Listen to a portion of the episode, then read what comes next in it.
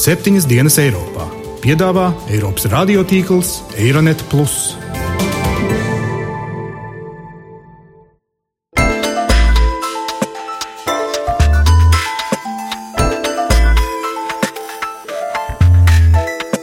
Šonadēļ septiņas dienas Eiropā dzirdēsim. Tā ir atgriešanās pa spirāli. Ir paredzēts arī ceļu plāns. Visi kopā saslēgti tīklojumā. Daudz kas ir Eiropas Savienībā, viņam jādomā tomēr racionāli. Vajag turīgus kaimiņus.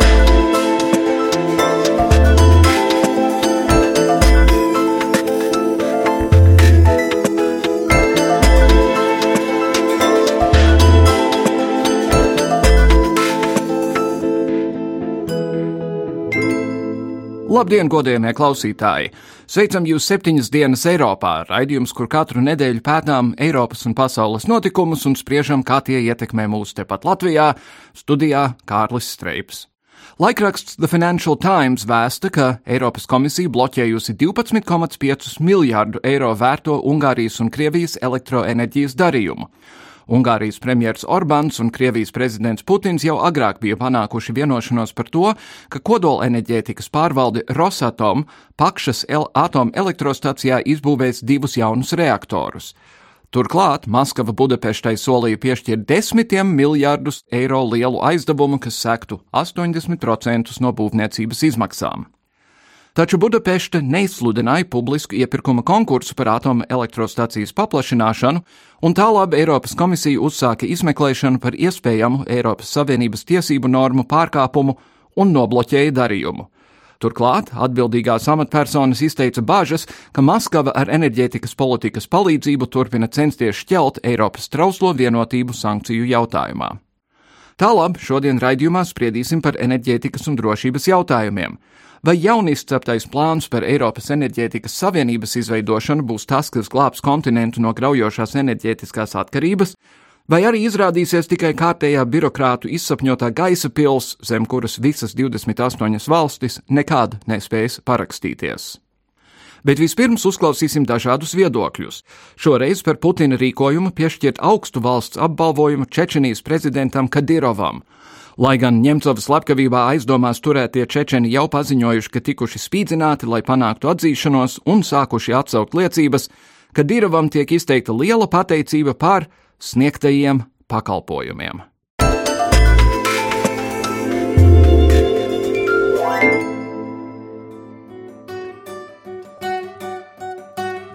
Kremļa pārstāvis skaidroja, ka tā bijusi tikai nejauša sakritība, ka Krievijas prezidents Vladimirs Putins deva rīkojumu piešķirt augstu valsts apbalvojumu Čečenijas prezidentam Ramzanam Kadīrovam, vienu dienu pēc tam, kad viņš slavēja opozīcijas līdera Borisa Ņemcova slepkavībā apsūdzēto Zauru Dadājevu.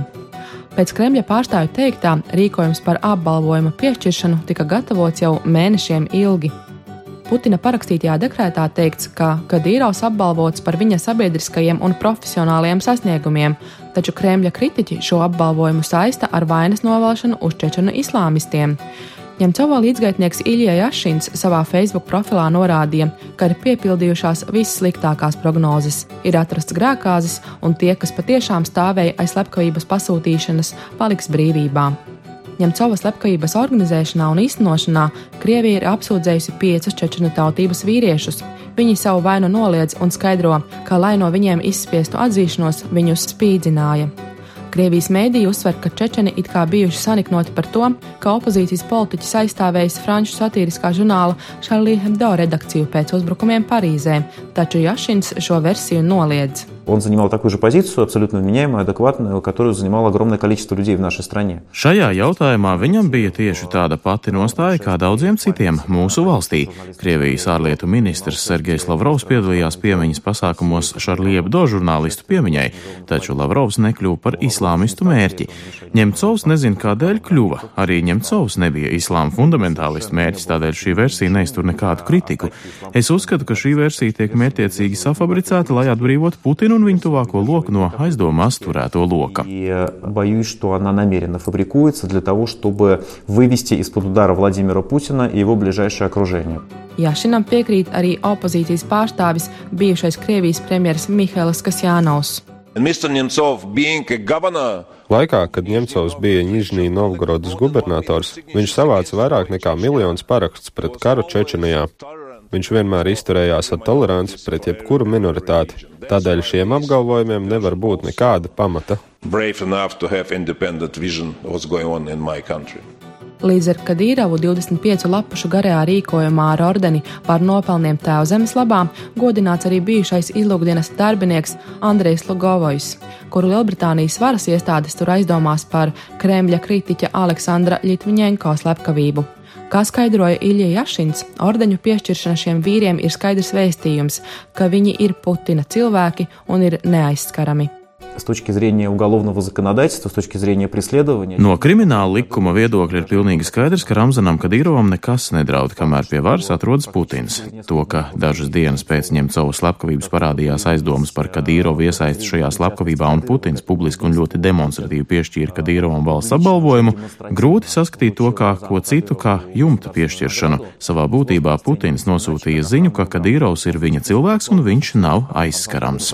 Не трогайте его, он неприкосновенен. Eiropas Savienība tika izveidota ar domu, karš starp kaimiņiem nekad vairs. Tāpēc no pagājušā gadsimta 50. gada Eiropas ogļu un tērauda kopiena sāka ekonomiski un politiski apvienot Eiropas valstis, nodrošinot šo ilglaicīgo mieru. Sešas dibinātāju valstis - Beļģija, Francija, Vācija, Itālija, Luksemburga un Nīderlande - turklāt jūta, ka ciešāka sadarbība nepieciešama, jo attiecībās starp austrumiem un rietumiem valdīja saltais augstā kara sastingums. Pēc Ungārijas protestu apslāpēšanas ar padomju tankiem Budapeštas ielās un padomju Savienības izvirzīšanos kosmosa iekarošanas sacīkšu priekšgalā, tālāki soļi tika spērti 1957. gadā, kad ar Romas līguma parakstīšanu tika nodibināta Eiropas ekonomikas kopiena, citiem vārdiem - kopējas intereses, kopējas tirgus, kopējas drošības garants. Vairāk par to, vai mūsdienās domas par enerģētisko savienību ir balstītas līdzīgos ģeopolitiskos apsvērumos, mana kolēģe Jāņa Kropa sižetā.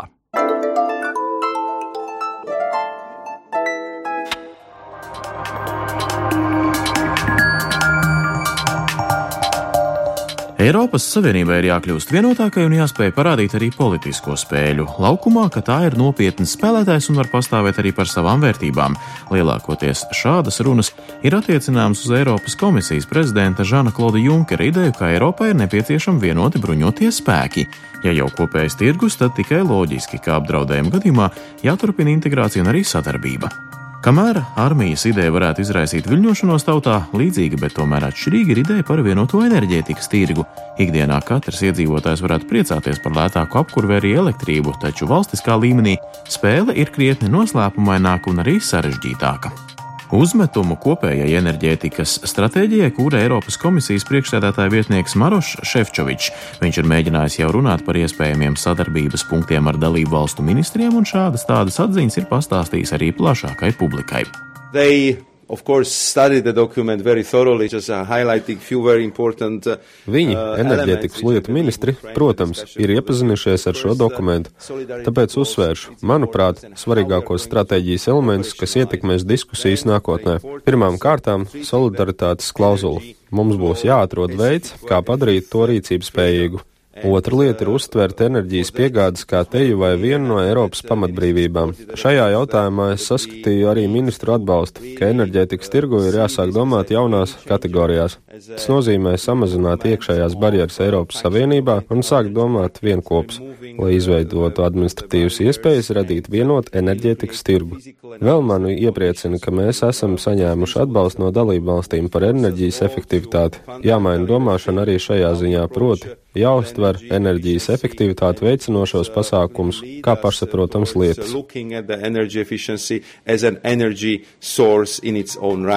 Kopumā Eiropas Savienības dalībvalstis atbalsta šo stratēģiju, protams, tā vismaz to publiski vēlas atzīt Eiropas komisija. Enerģijas un klimata lietu komisārs Miguels Sarijas Kanjete uzskata, atbalsta atslēga ir nepieciešamība nodrošināt drošas gāzes piegādes uz Ukrainas-Krievijas konflikta fona. Tas nav nekāds pārsteigums, ka valstis atbalsta šo stratēģiju, jo visi apzinās, ka ir steidzami nepieciešams rīkoties, lai nodrošinātu stabilas gāzes piegādes mūsu tirgumu, lai samazinātu mūsu enerģijas cenas un kļūtu konkurētspējīgiem. Un tajā pat laikā mums ir jāsasniedz nospraustie klimata pārmaiņu novēršanas mērķi.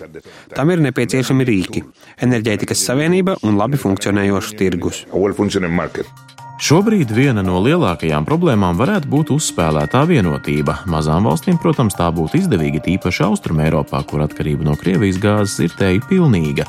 Ekonomikas ministre Dana Reizniece Ozola atzīst, notikumi Ukrainā piespiež Eiropu reaģēt vienotāk, tas ilgākā periodā varētu būt izdevīgi arī Latvijai. Par spēju runāt vienā valodā, jā, es domāju, ka mums kā mazai valstī, ņemot vērā arī mūsu geogrāfisko atrašanās vietu, šis ir viens no svarīgiem aspektiem, bet eh, man liekas, ka tāds pozitīvs signāls jau ir šobrīd sarunās starp Ukrainu un Krieviju, ka Eiropas komisija jau demonstrē laba mediātoru lomu. Es ceru, ka nepieciešamības gadījumā mēs saņemsim tādu pašu atbalstu. Vēsturnieks Antonijs Zunda arī uzskata, ka iespējas vienoties Eiropā ir un tās tiks izmantotas. Atskatoties uz Eiropas sadarbību un Eiropas Savienības pašiem pamatu pamatiem Antonijs Zunda saskata līdzības. Mēdz teikt, ka vēsture atkārtojas un esam nonākuši tādā pašā situācijā tikai šoreiz jaunā līmenī. Turpina Antonijs Zunda principā tā ir atgriešanās pa spirāli pašā situācijā. Tikai bez šaubām ir 21. gadsimts un faktori e, un valstu skaits, kā jau teicu, un situācija atšķirās. Bet ideja bez šaubām viena tā pati, jā. Un es vēlreiz uzsveru, ka tad 50 gados vienošanos bija daudz vieglāk panākt nekā tas ir iespējams šodien. Es domāju, ka jā, jo Eiropas saimnība ir pierādījusi ar savu vairāk kā 50 gadu ilgo vēsturi, ka viņi ir pietiekami elastīga, fleksibla, lai atrisinātu šīs problēmas. Gribētu teikt to, ka tas nav tik vienkārši, varbūt ne tādā tempā, kā mēs gribētu, bet viņš tomēr iet uz priekšu, jo gal galā visi valsts, kas ir Eiropas saimnībā, viņam jādomā tomēr racionāli, viņam jāskatās, piesim, ka jārespektē gan lielo, gan mazo valstu intereses un jāatrod kaut kāds kopsaucējs. Es optimists šajā ziņā. Jau ir izskanējis, ka vienotais enerģijas tirgus varētu sastapties ar vislielāko pretestību tieši no Vācijas puses. Kāpēc lai vācieši dalītos ar saviem komerces noslēpumiem tik ietekmīgā biznesā, kādas ir gāzes piegādes? Turklāt Vācijas uzņēmumi jau sen ir atraduši vienošanos ar Krieviju, kāpēc viņiem tagad no tā visa atteikties?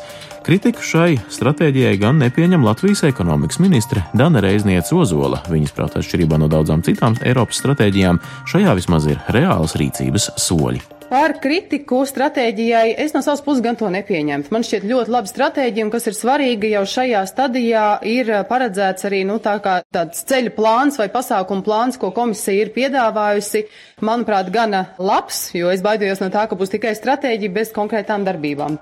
Kas tad ir tas, ko komisija šobrīd piedāvā? Tās darba gaitā ir paredzēts runāt par solidaritāti. Tas arī nozīmē, ka jāpierāda skeptiķiem, ir vērts censties pirkt gāzi no Krievijas visiem kopā. Arī Gazprom nevarētu diktēt vienpersoniskus noteikumus tādam klientam, kāda ir visa Eiropas Savienība. Tātad vienots tirgus nozīmē lielāku ietekmi darījumu slēgšanas posmā. Otra lieta, protams, ir infrastruktūra. Eiropas komisija piedāvā turpināt darbu pie gāzes piegādes ceļiem dienvidos, paredzot, ka pārdesmit miljārdu eiro lielās investīcijas ļaus uz Eiropu sūknēt lētāku gāzi arī no tuvajiem austrumiem vai Kaukāza valstīm. Papildus, protams, jāpabeidz arī tie projekti, lai savienotu Eiropas Savienības iekšējos elektrotīklus un gāzes apgādes sistēmas. Savukārt, trešā lieta ir Eiropas augstie mērķi - apņemšanās padarīt vidi tīrāku, tajā pašā laikā kļūstot arī vēl efektīvākiem.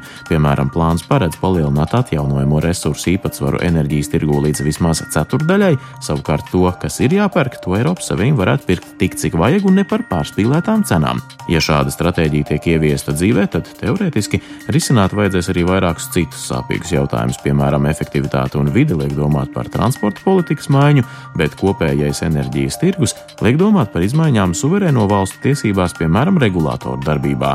Nav jau nekāda joka lieta, ja šo jautājumu ir aktualizējis arī prokrieviskais Ungārijas premjerministrs Viktors Orbāns, liekot saprast to, ka varam itin droši teikt, kāds austrumos ir sācis satraukties.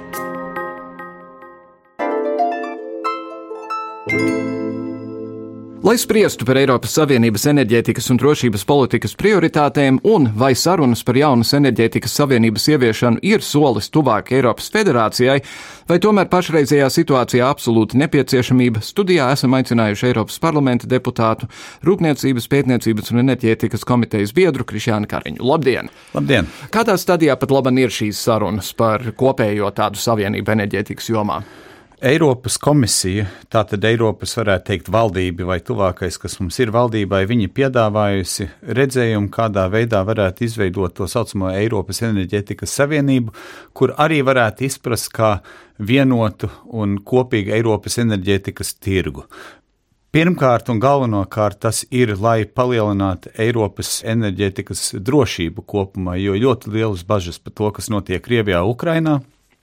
Otrakārt, tas ir, protams, lai varētu efektīvāk izmantot atjaunojamos resursus, tātad spēcīgāks apvienots tīklojums ļautu sauli no dienvidiem, elektrību pārvest uz ziemeļiem, vēju no ziemeļiem pārvest uz dienvidiem tādā garā. Bet varētu teikt, tas lielais mudinājums faktiski ir Eiropas kopīgā, ne jau tikai Latvijas, bet kopīgā milzu atkarība no Krievijas importētiem energoresursiem un kādā veidā to samazināt. Bet vai tas nozīmētu, ja tas notiktu, ka turpmāk sarunas ar Gazprom nebūtu Rīgai un, teiksim, Bukarestē atsevišķi, bet Briselē centralizēti? Redz, tā ir viena tāda sadaļa no ieceres. Ja izlasa rūpīgi, ko Eiropas komisija piedāvā, viņi piedāvā faktiski tieši to, ka sarunas ar trešo valstu piegādātājiem, un tur mums jāsaprot ar Krieviju, ka viņas notiktu kaut kādā centralizētā veidā, respektīvi ar Eiropas komisijas līdzdalību. Šis te bija jautājums jau pirms apmēram diviem gadiem, kad pieņēma Eiropas kopīgo likumu par starpvaldību līgumiem ar trešo valstu energo piegādātājiem, kur es toreiz biju ziņotājs, kas virzīja likumprojektu. Parlaments ļoti gribēja šādā veidā veidot faktiski tādu centralizētu iepirkumu struktūru, un dalībvalstis vairākums nebija ar mieru, un tad mēs panācām tādu kompromisu, kur noslēgtie līgumi tiek atklāti kas agrāk bija slepeni, un tie šobrīd ir atklāti, un līdz ar to Eiropas komisija tagad vēršas pret Gazprom tiesvedības ceļā par eh, iespējams ļaunprātīgo dominējošo stāvokļu izmantošanu. Bet tagad pēc diviem gadiem Eiropas komisija konstatējas acīm redzot, ka tas nepietiek, ka viņi grib būt klāt pie šī līguma noslēgšanas, nu, ir jautājums, vai dalībvalstis tagad, pēc visiem notikumiem Ukrainā, būs vai nebūs ar mieru šādu soli spērt. Bet te arī ir jautājums. Uh Energo uzņēmumi, Eiropa arī uzstāja, ka energo uzņēmumi nevar būt valsts īpašumā, līdz ar to tas ir komerciāls process, šī saule uz ziemeļiem, vējš uz dienvidiem. Cik lielā mērā Eiropai tur var būt ietekme? Eiropai var būt ļoti liela ietekme, proti, kā jebkurš likumdevējs, arī Eiropas Savienība var izveidot apstākļus, ka tirdzniecība varētu notikt. Tātad, ja mēs varam panākt to, ka Pirmkārt, ir fiziski savienojumi elektrības un gāzes tīklojumos starp visām Eiropas Savienības dalībvalstīm, ka neviens vairs nav izolēts līdzīgi kā, nu, kā Latvija šobrīd, ka visi kopā saslēgti tīklojumā. Un uzturēt likumu, kas jau ir, kad nedrīkst neviens palikt kā monopolis savā apgabalā, kad ir jāļauj starp un pārobežu tirdzniecībai notikt, tas tirgus pats par sevi attīstītos. Jo, protams, dienvidos tam, kas spīd saule, un ja tur pietiekami ir, pieņemsim to saules paneļu, tā elektrība tajā brīdī ļoti lēta. Un, ja ir fiziski veids, kā viņu dabūt pie patērētāja, ticiet man, būs daudzi tirgotāji, kas centīsies to izmantot. Bet šobrīd tas nenotiek, jo pirmkārt mums trūkst to savienojumu, otrkārt mums vēl ir dalībvalstīs lielie energogiganti, kuri īpaši neskatās pārāk pozitīvi uz konkurenci, jo tas mhm. nozīmē viņiem iespējams zaudēt tirgus daļu. Nu, jā. Protams, dalību valstīm katrai ir savas intereses šajā ziņā, un Latvijā viena liela problēma ir tā baigā čamāšanās attiecībā, piemēram, uz gāzes tirgus atvēršanu, uz pasažieru vilcieniem, kas, nezinu, nav šajā lietā saistīts, bet tieši energo jomā nu nevar tikt skaidrībā, kur, piemēram, likt sašķirinātās gāzes termināli, ja vispār tādu likt, kur būvēt vadus un tā tālāk. Manuprāt, te ir jāšķir. Tā čamāšanās faktiski nav nemaz tik traka, kā mēs viņu reizēm uztveram. Ja mēs skatāmies tieši uz elektrolīnijām, ir jau divi elektrosavienojumi izbūvēti starp Igauniju un Somiju, kas arī nāk pa labu Latvijai un Lietuvai. Šobrīd tiek būvēts kabelis starp Lietuvu un Dienvidu Zviedriju, kas savienos to tirgu. Mums tas saucamais kurzems lokus ir daļai pabeigts, vēl jānobeidz no Ventspils līdz Rīgai, un tad jāuzbūvē vēl trešais savienojums starp Latviju un Igauniju. Tas viss ir procesā, un tā rezultātā vairumtirdzniecības elektrības cena Latvijā izlīdzināsies ar Lietuvu, Igauniju, Somiju un Zviedriju. Šobrīd Igaunijā ir lētākas elektrības cenas, jo viņiem ir pietiekami liels un jaudīgs savienojums ar Somiju. Viņiem ir vienāda cena kā ar Somiju. Latvijā mēs šobrīd vēl maksājam vairumtirdzniecībā apmēram divreiz vairāk kā Dienvidu Zviedrijā, jo to lēto elektrību, kas viņpus jūrai ir, mēs vēl nevaram izmantot Latvijā un Lietuvā, bet, kad savienojums būs, mūsu tās cenas samazināsies. Tātad elektrības jomā viss iet uz priekšu. Gāzes jomā mums ir milzu grūtība, ko daudzi varbūt ne līdz galam saprot, kad 97. gadā, tas jau ir diezgan sen, toreizējā Latvijas valdība privatizējot toreizējo valsts uzņēmumu Latvijas gāzi deva jauniem īpašniekiem 20 gadu monopolu tiesības tirgot, uzglabāt un tā tālāk gāzi. Nu, kā mēs zinām, Latvijas gāzi šobrīd faktiski kontrolē Gazproms, nu, Kremlis viņu kontrolē. Un šis uzņēmums nebūtu nav ieinteresēts zaudēt šīs monopola tiesības, kas viņiem tika uzdāvināts. Valdība tagad ir pieņēmusi lēmumu, ka tomēr Latvijas gāze tagad aktīvi sadalīs divos uzņēmumos. Tad, kad Latvijas gāze ir sadalīta divos uzņēmumos, tad jau varēs redzēt, kas ir katram uzņēmumam aktīvos, kāda ir tā vērtība, un tad varēs skatīties, kurš varētu nopirkt to pārvades uzņēmumu. Tātad valdība jau spēra soļus, bet tas būs tikai 2017. gadā, kad drīkstēs būt konkurence. Mm. Šobrīd, ja veidot nu, tādu, nu, ja spiest Latvijas gāzei atvērt savu tirgu, Latvijas gāzes droši vērstos tiesā, un cik es atminos, kā ministrs, es to līgumu savulaik izlasīju, viņš ir noslepenots, bet tas līgums diezgan viennozīmīgi ir pa labu Latvijas gāzei un Latvijas gāzes īpašniekiem, ne mūsu valstī. Tā viņš 97. gadā tika uzrakstīts, bet viņš drīz noticēs, un šobrīd tie soļi tiek spērti, un kas notiek publiskajā telpā, visu laiku tiek nu, arī drusku tāda maldīga informācija reizēm parādās, ka tas ir neizdevīgi un tas tā nenotiks. Bet faktiski, ja valdība vienā mierā spēr soli pēc soļa, tas viss notiks un būs iespējams. Tas, kas cīnās pret to, ir faktiski tieši Latvijas gāzes akcionārs. It kā saprotamu iemeslu dēļ. Cik nozīmīga Latvijai ir šī stacija Lietuvā, ko atklāja ar lielu pompu pirms pāris mēnešiem, kura tagad it kā var uzņemt Amerikas gāzi? Jaunatrasto. Jā, nu, Klaipēdas termināls, tātad sašķidrinātās gāzes termināls, ja nemaldos, viņam ir noslēgts līgums ar Norvēģiju. E, viņi pērk Norvēģijas gāzi sašķidrinātā veidā, tātad ļoti atdzesētu, līdz kamēr gāzi šķidri ieliek tankuģī un brauc pa pasaules jūrām un okeāņiem un var pārdot e, jebkuru pasaulē, kur ir attiecīgs termināls, kas viņu var atkal kontrolētā veidā uzsildīt un ievadīt sistēmā. Un pēc idejas Šai gāzei vajadzētu arī pozitīvi ietekmēt Latvijas tirgu, jo mums ir fiziski savienojumi ar klaipēdu. Kaut gan cauruļvada diametrs nav tas piemērotākais, viņam būtu jānomaina caurulis uz lielāku diametru, bet vispār mēs šo gāzi varētu izmantot. Iemesls, kāpēc tas mums nenotiek, ir, ka Latvijas gāze tam nepiekrīt. Jo, mhm. lai varētu notikt konkurence, šobrīd pēc esošā līguma nosacījumiem monopolistam ir jāpiekrīt. Nu, parādiet man to vienu gadījumu pasaulē, kur monopolists labprātīgi, bez cīņas, ir pieļāvis konkurence, ka tas viņam nav nepieciešams. Tātad mums vēl būs līdz tam 17 gadam jānogaida, bet jādara visi mājas darbi, priekšdarbi, tā lai pēc 17. gada konkurence var notikt. Un jāatceras Latvijā, no visiem infrastruktūras objektiem, kas Baltijas valstīs ir, manuprāt, tas pats vērtīgākais. Vispār bez jautājuma ir Inčukalna pazemes gāzes krātuve. Tur mums glabājas šobrīd vairāk gāzes nekā mēs kopumā veselu gada laikā patērējam. Milzīgi krātuvi, viņas potenciāli var vēl palielināt, gandrīz divkāršot ar virzemes darbiem, nevis ar pazemes darbiem. Valdībai jānodrošina, ka šajā krātuvē būs iespēja uzglabāt gāzi ne tikai Gazprom gāzei, bet arī no Klaipēdas termināla, no cita termināla, no Polijas un tā tālāk. Mm -hmm. Ja mēs šo nodrošināsim, tad jau mūsu atkarība no Krievijas būs pazudusi. Krievija paliks kā viens no, un droši vien galvenais piegādātājs, bet ne bet kā vienīgais. Uz konkurences pamatiem. Un konkurence noregulēs cenu. Mūs vairs nevarētu arī šantažēt, piemēram. Kam pieder tā gāze, kas ir Inču kalnā? Gāze, kas ir Inčukalnā, laikam pieder Latvijas gāzei vai pat Gazpromam. Jautājums tur eh, Dāvikungs varētu labāk skaidrot, kāda šis uzņēmums ir slēdzis līgumu ar savu piegādātāju, bet eh, valstī tā gāze kā tāda nepieder, jo valsts jau pirms 17, 18 gadiem privatizēja šo uzņēmumu, kuri juridiskais strīds ir, kam tā krātuve varētu piederēt. Jo Latvijā mums ir laikam vienīgai valstī Eiropas Savienībā, kur ir likums, ka tam, kam pieder tas kvadrātmetrs kā saka, zemes, pieder arī nu, nosacīt līdz zemes sērdei tas pats kvadrātmetrs, nu, mhm. konusā laikam ejot uz leju.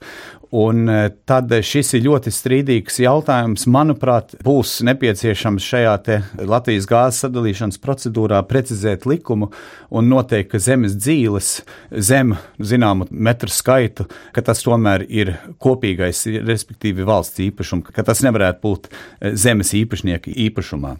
Un to likumā var darīt, kā atšķirt, teiksim, akas ūdeņus no tādām pazemes krātuvēm.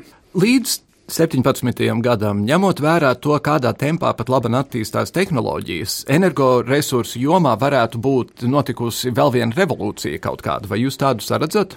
Ir, protams, viena lielā revolūcija notikusi Savienotajās valstīs. Protams, tā saucamā slānekļa gāzes un slānekļa naftas iegūs metode, kur apmēram 3 km dziļumā vēl urbjot uz leju un tad urbjot horizontāli, paralēli zemē, iepumpējot kaut kādu ūdeni un ķīmijas šķīdumu, burtiski izspiež gāzi no zemes laukā, arī naftu. Šādā veidā Savienotās valsts ir kļuvusi par faktiski gāzes eksportētāja valsts no gāzes importētāja valsts. Un, un mēs... pašpietiekama naftas jomā. Jā, naftas jomā, jā, viņi laikam drīz pārspēs Saudarābiju kā pasaules lielākais naftas ieguvējs. Atkal, kas nav bijis 40 gadus vismaz. -hmm. Bet Šīs te tehnoloģijas, protams, ir, ir pieejamas arī Eiropā, ja tik grib. Un es pats esmu skatījis zemes dzīļu kartes, kādas geologi parāda, un esot lieli gāzes krājumi zem visām trim Baltijas valstīm un Baltijas jūras, arī līdzīgi kā Polijā un īpaši Francijā. Tad ir jautājums, ja Latvija sakārtot likumdošanu un iedzīvotāji tam piekrist, ja kāds privātu uzņēmums, un tam būtu jābūt privātu uzņēmumam, būtu ieinteresēts redzēt, vai tie krājumi, kas mums ir zem zemes, būtu arī komerciāli izdevīgi izmantošanai. Nu, Latvija teorētiski varētu kļūt pilnīgi energo neatkarīga. Un, manuprāt, šis būtu jāveicina, tā pētniecība būtu jāveicina. Protams, tur ir apsvērumi, kas īpaši Eiropā ir izskan ļoti daudz par vides drošību, proti, mm -hmm. tas urbums iet cauri ūdens līmenim, ko mēs ņemam kā dzeramo ūdeni. Un ņemot vērā, ka tur ir ķimikālijas, tie ūdeņi pēc tam jātīra un jābūt drošam, ka nepiesārņot to augšējo slāni. Bet, eh, protams, Savienotajās valstīs šis ir lielā mērā atrisināts, jo tagad, protams, šahtas arī izurbt un izveidot, betonēt, ka, ka tur šāda veida piesārņojumi nenotiek. Bet, ja var pārvarēt, un es domāju, ka var pārvarēt tieši tehnoloģiskā ziņā drošību, nu šeit Latvijai ir faktiski kopā ar Lietuvu un Igauniju vēl nezināms bagātības resurss faktiski zem mūsu kājām. Bet jūs pieminējāt iedzīvotājus. Iedzīvotāji vienmēr šī tādām lietām Latvijā saka nē. Tas ir gan attiecībā uz dzelzceļu, gan uz papīra fabriku, gan uz visu pārējo. Ko jūs gribētu teikt mūsu klausītājiem šajā ziņā? Nu, es domāju, ka mums ir visos gadījumos jāizsver visus plusus un mīnusus. Ja runa ir piemēram par šo Real Baltica iecerēto Eiropas dzelzceļa līniju, ko no Tallinas caur Rīgu tālāk uz Lietuvu un tad uz Poliju izveidotu atsvērt to labumu, ko mēs kopumā varētu iegūt no tām nērtībām, ko jebkura celtniecība varētu sagādāt, īpaši tiem, kas dzīvo vai strādā tuvu, kur šīs sliedas iet, un tas pats ir ar slānekļa gāzes izpēti. Nu, ir jautājums, vai mēs gribam tikai baidīties no jaunām tehnoloģijām un iespējām, un turpināt būt importa atkarīgi, vai nu no Krievijas, vai Norvēģijas, vai Amerikas imports ir imports. Tā ir mūsu nauda, ko mēs maksājam kādam citam. Mēs faktiski eksportējam naudu par mm -hmm. katru kubikmetru, ko mēs iepērkam. Vai tomēr ievērojot stingras eh, vidas un drošības prasības, pieļaut to, ka atsevišķās vietās tomēr izpētīt, vai tur ir kaut kas iegūstams. Vismaz izpētīt. Vismaz izpētīt, jo redz, Latvijā mums ir liela priekšrocība pār, nu, teiksim, tāda paša Francija, eh, ka mums ir diezgan reti apdzīvota valsts. Tas ir mums ir zeme, kur tik tiešām ļoti daudz cilvēku nav.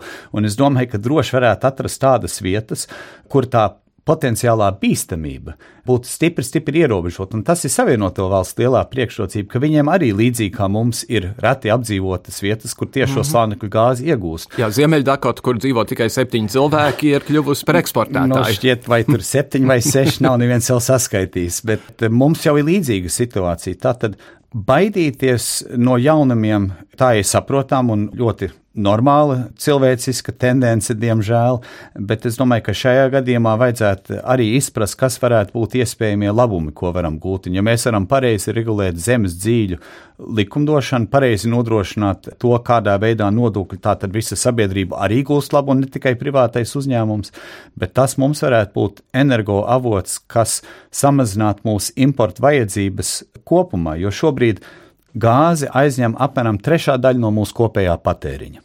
Mēs to varam drusku vēl samazināt, bet es domāju, ņemot vērā, ka mums jau ir vairāk kā trešdaļa ir atjaunojamie resursi ar ūdens un ar biomasas avotiem, Nav skaidrs, vai mēs to varēsim daudz virs tiem 40% nu, ekonomiski izdevīgi palielināt. Protams, var līdz 100%, bet par kādu cenu.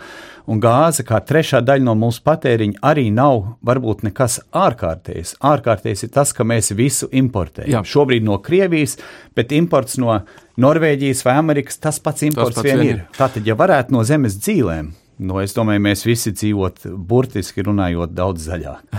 Zaļie gan varbūt neteiktu ne tādā nozīmē, bet tomēr. Tad pēdējā lieta, ko konstatēt, ja visā Eiropā tagad sāks veidot jaunus savienojumus, tās arī būs daudz darba vietas cilvēkiem, celtniekiem un cauruļmeistariem un tā tālāk. Protams, un līdzīgi kā elektrosavienojumu un vadu izveidošana jau ir daudz labumu nesus tur, kur šos tīklojumus veido, tas pats ir ar gāzes savienojumiem. Ekonomiskā aktivitāte, tātad jebkad, ka kaut ko būvē un ceļ, tas nāk pa labu visiem. Un Eiropas Savienībā kopumā tas ir labi, jo Mums jāatcerās, mums jau nav jāskauž, ja, piemēram, Vācijai klājās labi, vai Nīderlandai klājās labi, vai Zviedrijai, jo tie ir mūsu eksporta tirgi. Un mums klāsies labāk, jo turīgāki mūsu kaimiņi. Ar turīgiem kaimiņiem jebkurš var labi dzīvot. Paskatāmies uz mazo Luksemburgu vai mazo Beļģiju. Viņi ļoti turīgi dēļ tā, tā skaitā, ka visi viņu kaimiņi riņķi apkārt ir ļoti bagāti. Jebko, ko viņi saražo, viņi var, kā saka, šķērsot robežu un pārdot. Nu, tur ir desmit reizes vairāk iedzīvotāji, nav grūtības. Mums Latvijā, mums austrumu kaimiņš Krievija neizceļās ar savu bagātību. Ar dabas bagātībām gan, bet ar sabiedrības bagātību nekad nav izcēlies, un šobrīd vēl trakāk iet. Bet Proti, uz otro pusi, kur mums ir lielākā tirdzniecības daļa, vai nu tā ir Somija, Zviedrija, Dānija, Vācija, pat Polija, tālāk Francija, Lielbritānija. Eh, jo turīgākas šīs valstis ir, jo labāk mums būs. Tātad arī tā skaitā šī enerģijas savienības fiziskā izveidošana, nu visu to vadu un starpsavienojumu. Tur ir neticami daudz darba vietas pa visu Eiropu, kas palielinās kopējo labklājību, kas mums arī palīdzēs. Jo mums tā atslēga un tā, kā mēs esam attīstījušies, ir kā nišu produktu eksportētāja valsts. Ja mēs skatāmies visur, kur es esmu braucis pa Latviju pēdējos gados, visur, kur ir optimistiski cilvēki un viss notiek, tas ir tieši tādās vietās, kur cilvēki ir izgudrojuši, kā kaut ko uztaisīt, saražot, kas ir daļa no plašākas ražošanas ķēdes, bet kur mums ir priekšrocība, ka mēs to varam ļoti precīzi, ļoti ātri un arī salīdzinoši mazos daudzumos, pa 3000, pa 10 000, kas lielā rūpniecībā ir grūti. Bet mums pietiek. Mums pietiek, redz, un mums jau nevajag neierobežot daudz. Mums vajag, lai pietiek, un lai pietikt, Mums vajag turīgus kaimiņus. No jūsu mutes dievausī, tā teikt, Eiropas parlamenta deputāts Krišāns Kariņš. Paldies jums par sarunu. Paldies jums!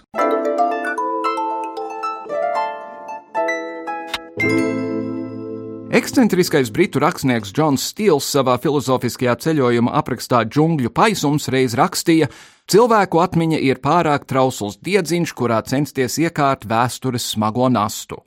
Mēs septiņas dienas Eiropā vēsturi nekur nekarinām, to mēs uzticam vēsturniekiem, nevis tiem, kas skaļāk bļaustās. Pagājušās nedēļas sākumā drošības policijas priekšnieks paziņoja, ka vārdā neminētai Beļģijā reģistrētai nevalstiskai organizācijai Krievijas tautiešu atbalsta un tiesību aizsardzības fonds ir piešķīris finansējumu pasākumu organizēšanai 16. martā. Šī Beļģijas organizācija savukārt ir noslēgusi līgumu ar Latvijas antinacistisko komiteju par šo pasākumu organizēšanu Latvijā. Vai šis ir unikāls gadījums, kad tiek izmantota Rietumē Eiropā reģistrēta nevalstiskā nevalstiskā organizācija šādiem mērķiem, vai tomēr tā ir taktika, lai slēptu patieso finansējuma avotu un pasūtītāju.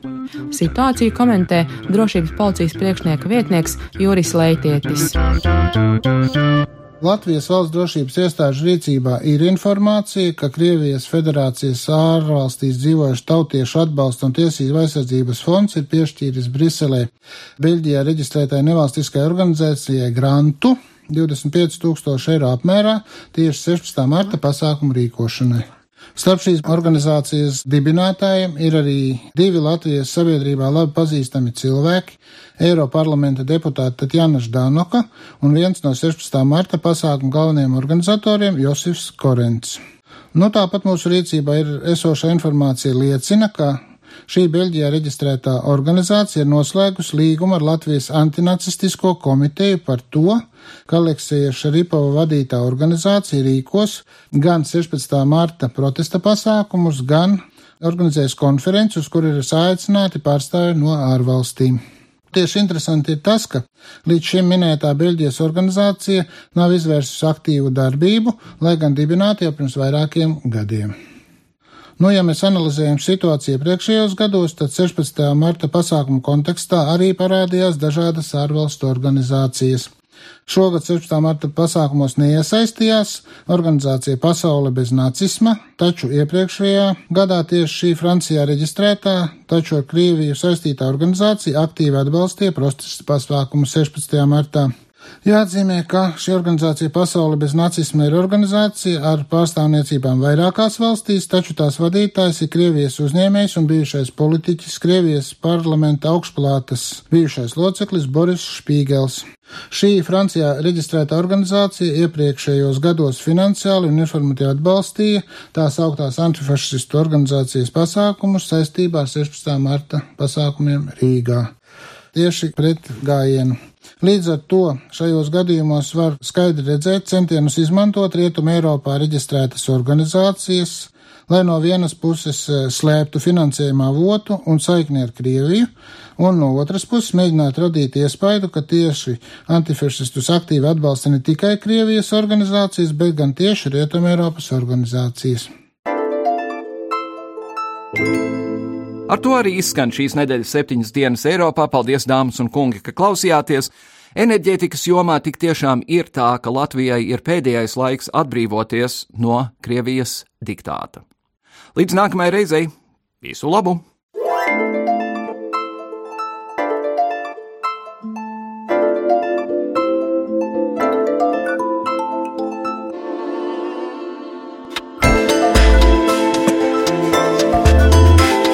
Raidījumu veido Kārlis Streips, Gita Siliņa un Jānis Krops. Producents Lukas Rozītis.